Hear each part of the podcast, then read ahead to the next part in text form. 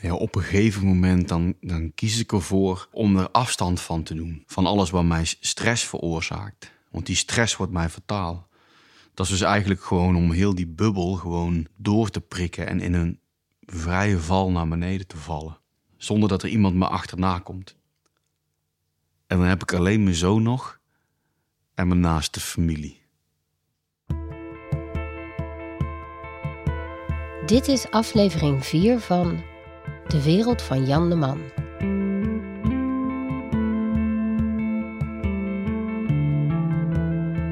Jan kon de druk van het criminele leven niet meer aan. Er knapte iets en hij werd knettergek.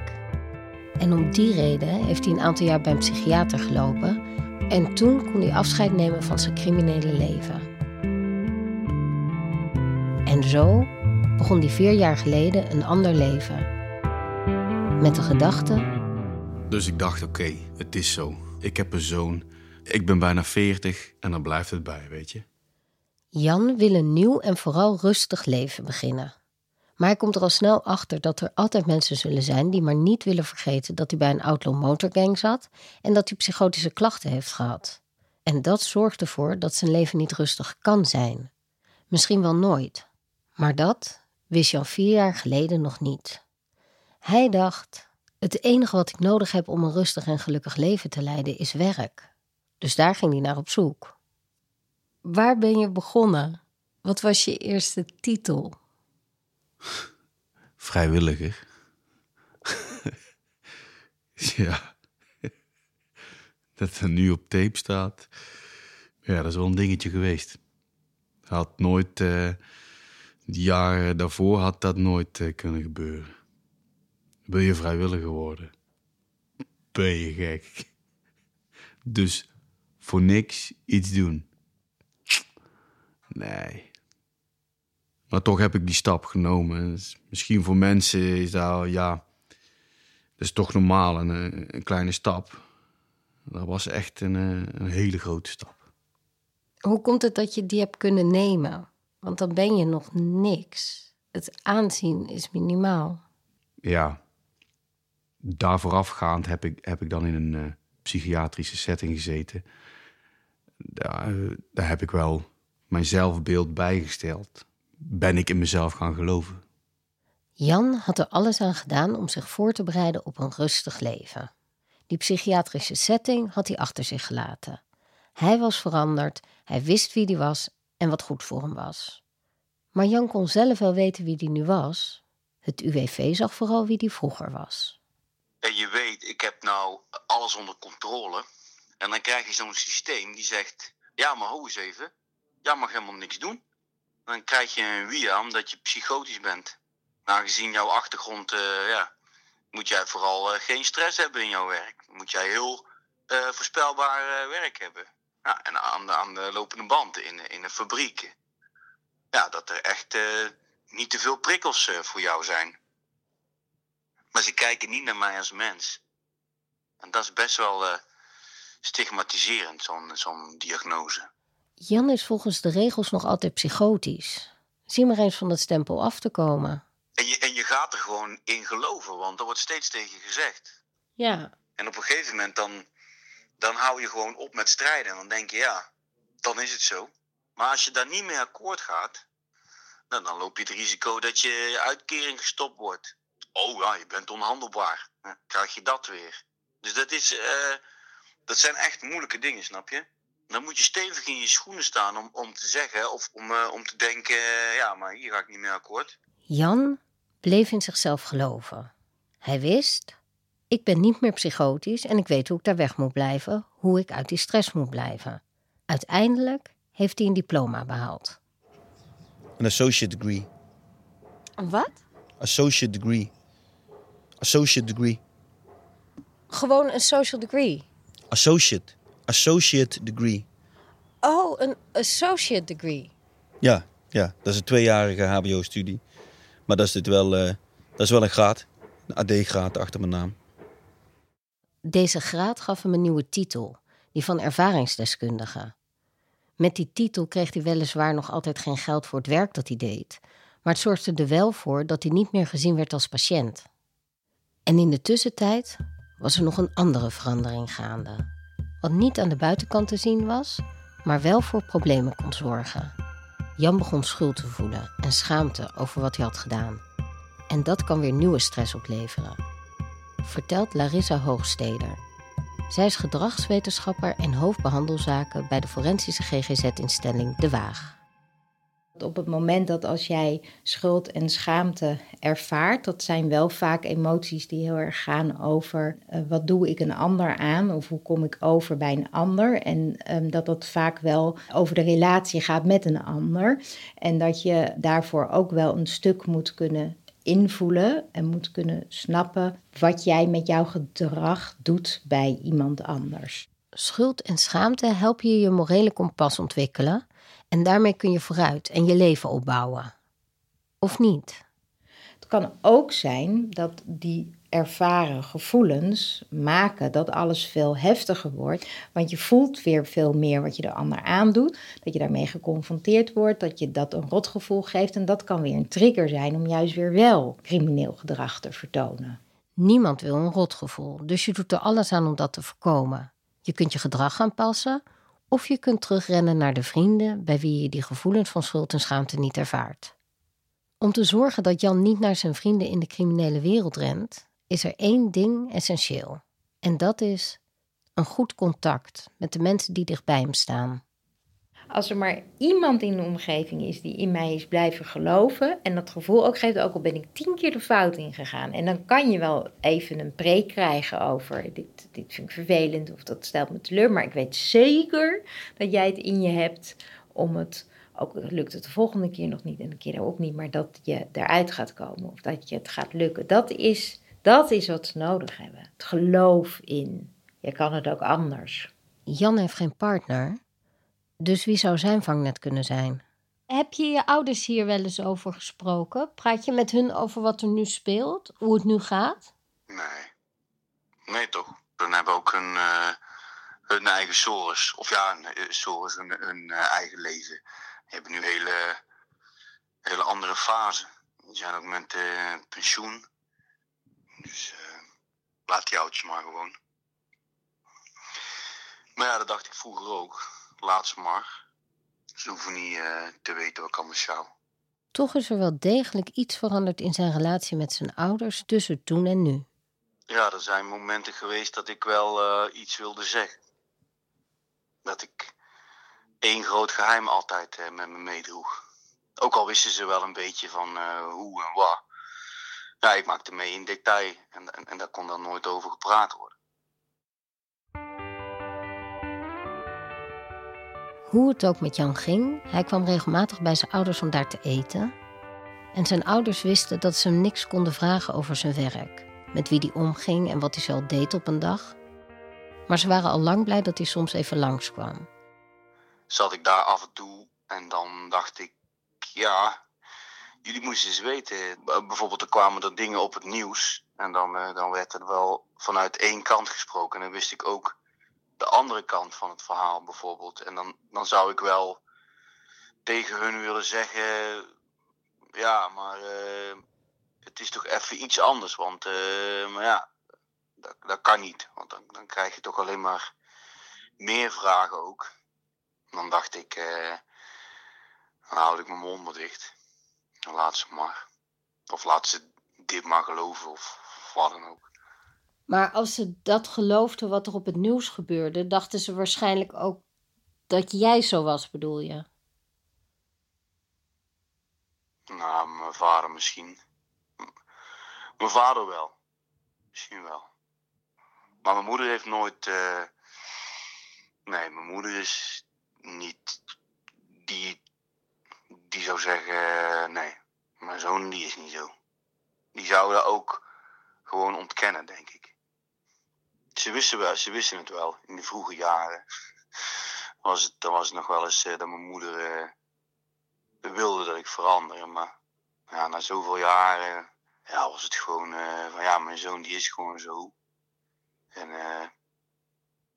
ja, ze hebben toch wel een weg gevonden om, denk ik, van mij te houden. Ondanks dat, dan, dat ik er van die rare streken had. Maar er hing altijd een eh, hele grote olifant boven. Maar, niemand mocht daarover over praten. Het is alweer een tijdje geleden dat Jan afscheid heeft genomen van zijn criminele leven in de motorclub. Jan zit weer eens aan tafel bij zijn ouders op een moment dat hij voelt dat het tijd is om een periode af te sluiten. Hij wil zijn ouders laten zien dat hij geen geheimen meer heeft. Het lijkt hem het beste om dat te doen met een vraag. Ja, van, van wil je weten wat ik allemaal heb uitgespookt? Waarom heb je die vraag gesteld? Ja, ik wilde alleen maar de ruimte geven aan mijn ouders om, om dingen te vragen en om daarmee, ja, om dat, om dat af te sluiten, ook voor hun, zeg maar. Ik, ik wilde hun geen deelgenoot maken van, maar was meer van op dat moment eh, dat ik gewoon daarin eh, open kon zijn. Van, en dan vooral aan mijn vader dan. En waarom, weet ik eigenlijk. eh, mm, ja, het, is toch, het is toch je vader, eh, denk ik. Van pa, hey, eh, zou je, wil je, wil je wel weten wat ik allemaal gedaan heb? ja, zo ging dat. maar, hij wilde dat niet eens weten. Hij zei, het is goed zo. Hè? We weten eh, ongeveer wel waar we het over waar we het moeten zoeken. Maar eh, het heeft geen enkele meerwaarde dat je dat. eh, dat hoeft voor ons eh, helemaal niet. Dus. het is goed zo. Wat had je verwacht? Wat ik, wat ik verwacht. Ik had wel verwacht dat mijn vader dit zou zeggen. Maar ik had eigenlijk verwacht van mijn moeder dat ze had gezegd van... eh, nou, vertel, dan, vertel dan maar. dat ze toch wel eh, wilde weten. Een beetje. Ja. Maar die was gewoon stil. Als ze, had gezegd, als ze hadden gezegd van... eh, ja, vertel maar eens nou... eh, dan had ik... ja, niet, had ik niet in de treuren verteld, maar wel gewoon in grote lijnen. Gewoon. En had je dan net zoveel verteld als dat wij met elkaar besproken hebben? Nee. Nee, dat is. Nee, nee joh, dat kan, dat kan toch helemaal niet. Wij hebben heel veel met elkaar besproken. Ja, dat weet ik. En ik denk dat ik opener ben naar jou, terwijl ik toch gesloten ben, dan toch op dat moment eh, naar mijn ouders. Soms hoef je niet over iets te hebben om het af te kunnen sluiten. Zijn ouders weten nog steeds niet wat hij sjouwt. Maar in tegenstelling tot vroeger zit Jan nu aan tafel bij zijn ouders en weten zijn ouders dat Jan er weer is. Dat er geen geheimen meer zijn en dat hij hun weer toelaat in zijn leven. Als je het even verlegt naar je eigen zoon. Wat ik zeg maar doe, wat mijn va- eigen vader niet eh, gedaan heeft, is dat ik hem ook eh, een knuffel geef. Ja. Weet je wel, dat ik hem Mhm.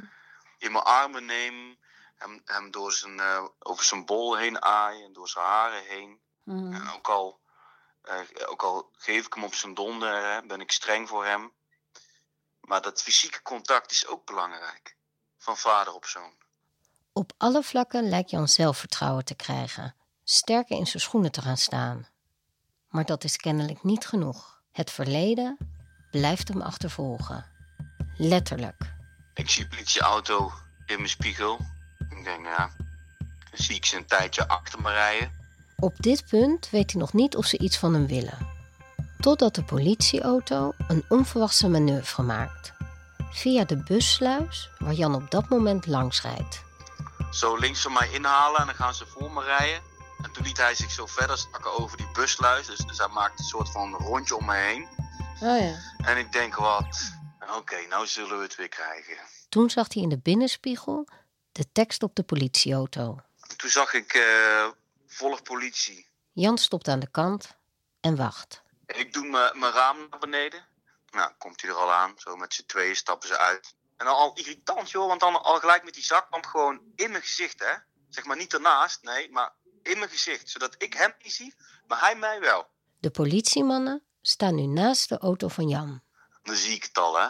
Met zo'n rotkop. Zo, heb je rijbewijs bij je? Ik zeg, mag ik weten waarom je me staande houdt? Ja, gewoon algemene verkeerscontrole. Ik zeg, nou, hey, denk ik niet hè.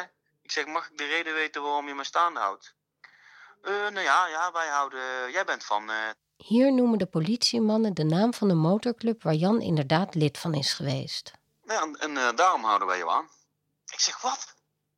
Ja, wij zien dit achter jouw naam staan, dus eh, dat is voor ons reden genoeg om je staande te houden. Waar kom je vandaan? Ik zeg, maar daar hoef ik helemaal geen antwoord op te geven. Ja, maar ik praat gewoon met jou. Ik zeg, jullie praten nooit gewoon. Het is altijd gewoon procesverbaal. Ja, maar ik weet wel waar je vandaan komt. En dan suggereren de politiemannen dat hij van een bijeenkomst komt van de motorclub. Hij wilde gewoon een beetje uitlokken. Maar Jan heeft net bij zijn ouders gegeten en is op weg naar huis, vertelt hij me. Ik zeg, wat wil je nou? Wat wil je met, wat wil je met mij? Wil je met me praten of wat wil je? Ze willen dat hij een misstap maakt, zodat ze hem kunnen meenemen naar het bureau voor verhoor. Ik zeg, voor jouw informatie, wat jij ziet, dat klopt niet meer. Ja. En daarna begonnen ze te lachen. Ja, maar onze systemen die liggen niet. Ik denk, motherfucker. Want hij zo, eh, ehm, ja, eh, je rijstijl, die viel ons ook op. Ik denk, welke rijstijl? Ik hou me gewoon aan de snelheid, typo. Maar de politie is nog niet klaar. Ze hebben ook nog een paar vragen over andere leden van de motorclub. En ken je die en die dan? Ik zeg, nee, die ken ik niet. Ik denk, wat wil je? Wat wil je? Wat denk jij? Dat ik denk dat je gewoon met mij normaal over koetjes en kalven kan praten? Natuurlijk niet. Wat denk je, dat ik een of andere achterlijke ben? Dus ik ging je ook nog eens een keer mijn intelligentie erbij betrekken. Goh, jongen, dat is ook al vervelend hoor. Ja, dat is echt heel vervelend. Dat ze doen alsof je dom bent. en toen keken ze met die zaklamp in de auto. En ligt een map achter. Want wij, wij hebben, krijgen training op ons werk, eh, leiderschapstraining, eh, zeg maar. Ja. En eh, op die map er staat gezond samenwerken. Toen zeiden ze, oh hé, hey, een gezond samenwerken, ja? Wat doen jullie eraan? Yo, ik denk, wat is er met deze motherfucker? maar ja, ik moet me gewoon normaal gewoon gedragen, snap je? Hij moet zich normaal gedragen, want zowel Jan als de politie weet... zolang Jan zich normaal gedraagt, kunnen ze hem niet meenemen naar het bureau voor verder verhoor... en moeten ze hem laten gaan. Het is gewoon irritant. Ik dacht dus dat het klaar was, hè? Dat het ook niet meer achter mijn naam stond. Maar blijkbaar dus nog wel. Toen de ondervraging was afgelopen en Jan zich goed had gehouden, mocht hij gaan. Nou, klaar. En ik terug naar de snelweg van waar ik naartoe moest. Maar nee hoor, niks klaar. Komen ze met 130 langs mij, waar je 100 mag. en dan denk ik, dan denk ik, ja, zonder zwaailichten, zonder geluid, niks hè. Dan denk je, ja, oké, ze moeten soms ook eh, zonder die toeters en bellen ergens heen eh, naartoe. Staan ze gewoon verderop voor het stoplicht te stoppen, te wachten. En toen dacht ik echt, echte motherfuckers, jongen. Jan wist dat hij hier getest werd en hij moest zich inhouden. Eén misstap en wie weet wat er dan zou gebeuren. Dat is gewoon weer het spelletje. En nou word ik geconfronteerd met mijn eigen spelletjes van vroeger. Gewoon laten zien dat jij de baas bent. Maar heb ik gewoon zin om ze met 200 voorbij te vliegen. Maar ja, daar heb ik alleen mezelf mee. Ik kan gewoon geen scheid meer hebben. Ik moet gewoon mijn gordeltje aandoen. Gewoon snelheid. En hun, die motherfuckers, die komen gewoon langs met weet ik veel hoeveel kilometer per uur. Dan laten ze zien dat ze scheid hebben. Maar mij nog wel eh, steeds eh, uitmaken voor, eh, voor het oude stuk. Vroeger was ik de baas. En nu ben ik de sukkel. En je voelt je best wel machteloos eigenlijk. De enige macht die Jan heeft, is te volharden in wat hij zich had voorgenomen. Oké, het is zo. Ik heb een zoon. Ik ben bijna 40 en dan blijft het bij, weet je. Maar er zijn genoeg mensen en instanties die het beeld van hem hebben die van een crimineel of onbetrouwbaar persoon. Een beeld van vroeger. Is het dan alleen zijn nabije familie die de veranderingen zien? Zelfs na vier jaar? Ik zou eh, ook wel gewoon betrouwbaarheid willen uitstralen. In, in mijn werkzame leven. Maar ook bijvoorbeeld, eh, ja, weet ik veel, voor het ontmoeten van een, eh, een dame. En, en blijkbaar is, is toch nog steeds niet altijd dat de uitstraling die ik vrijgeef.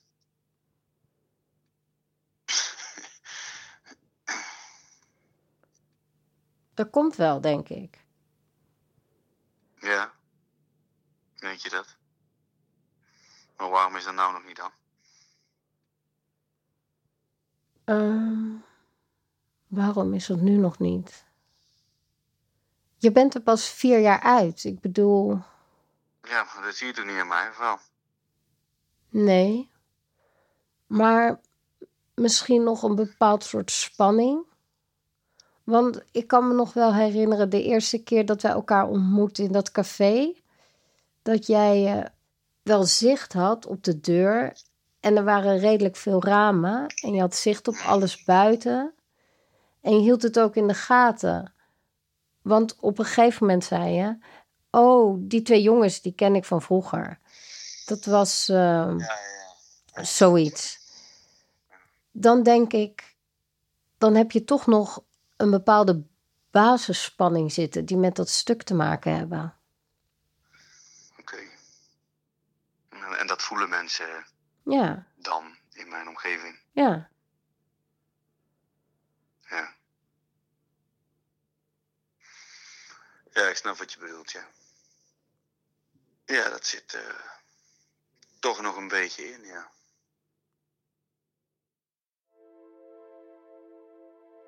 Dat het niet zo simpel is vanuit, ja, eh, die persoon heeft het fout gedaan, de schuld ligt bij die iemand en straffen en klaar. Was het maar zo simpel. Larissa Hoogsteder. Als gedragswetenschapper weet zij dat mensen die hun verleden achter zich willen laten, er gaandeweg achterkomen dat dit niet zo werkt. Ik had daarop gesolliciteerd, op eh, inhoudsdeskundige, landelijk dus. En eh, daar ben ik niet geworden. Neem jij dat dan heel persoonlijk of niet? Daar moet ik eh, voor uitkijken. Want eh dan, worden, eh, dan kan ik de telefoon zeg maar opnemen en dat gaat niet goed met mij. In de volgende aflevering. Hoeveel keer kan Jan een afwijzing incasseren voor hij terugkeert naar zijn oude vrienden in het criminele milieu? Zal het Jan lukken om op het rechte pad te blijven? De volgende keer in aflevering 5. Wil je mij wat vragen? Of heb je een vraag aan Jan? Stel ze in een review. Hoe meer reviews, hoe beter wij gevonden kunnen worden door nieuwe luisteraars.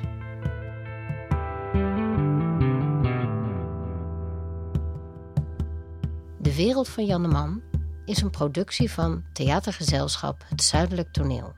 Gemaakt door mij, Romane Rodriguez, met het vetorecht van Jan de Man. Redactie wordt gevormd door Stef Visjager, Marieke Prinsen-Geerlichts en Piep Menu. Muziek is van Peter van de Witte, mixage van Mark Meeuwis.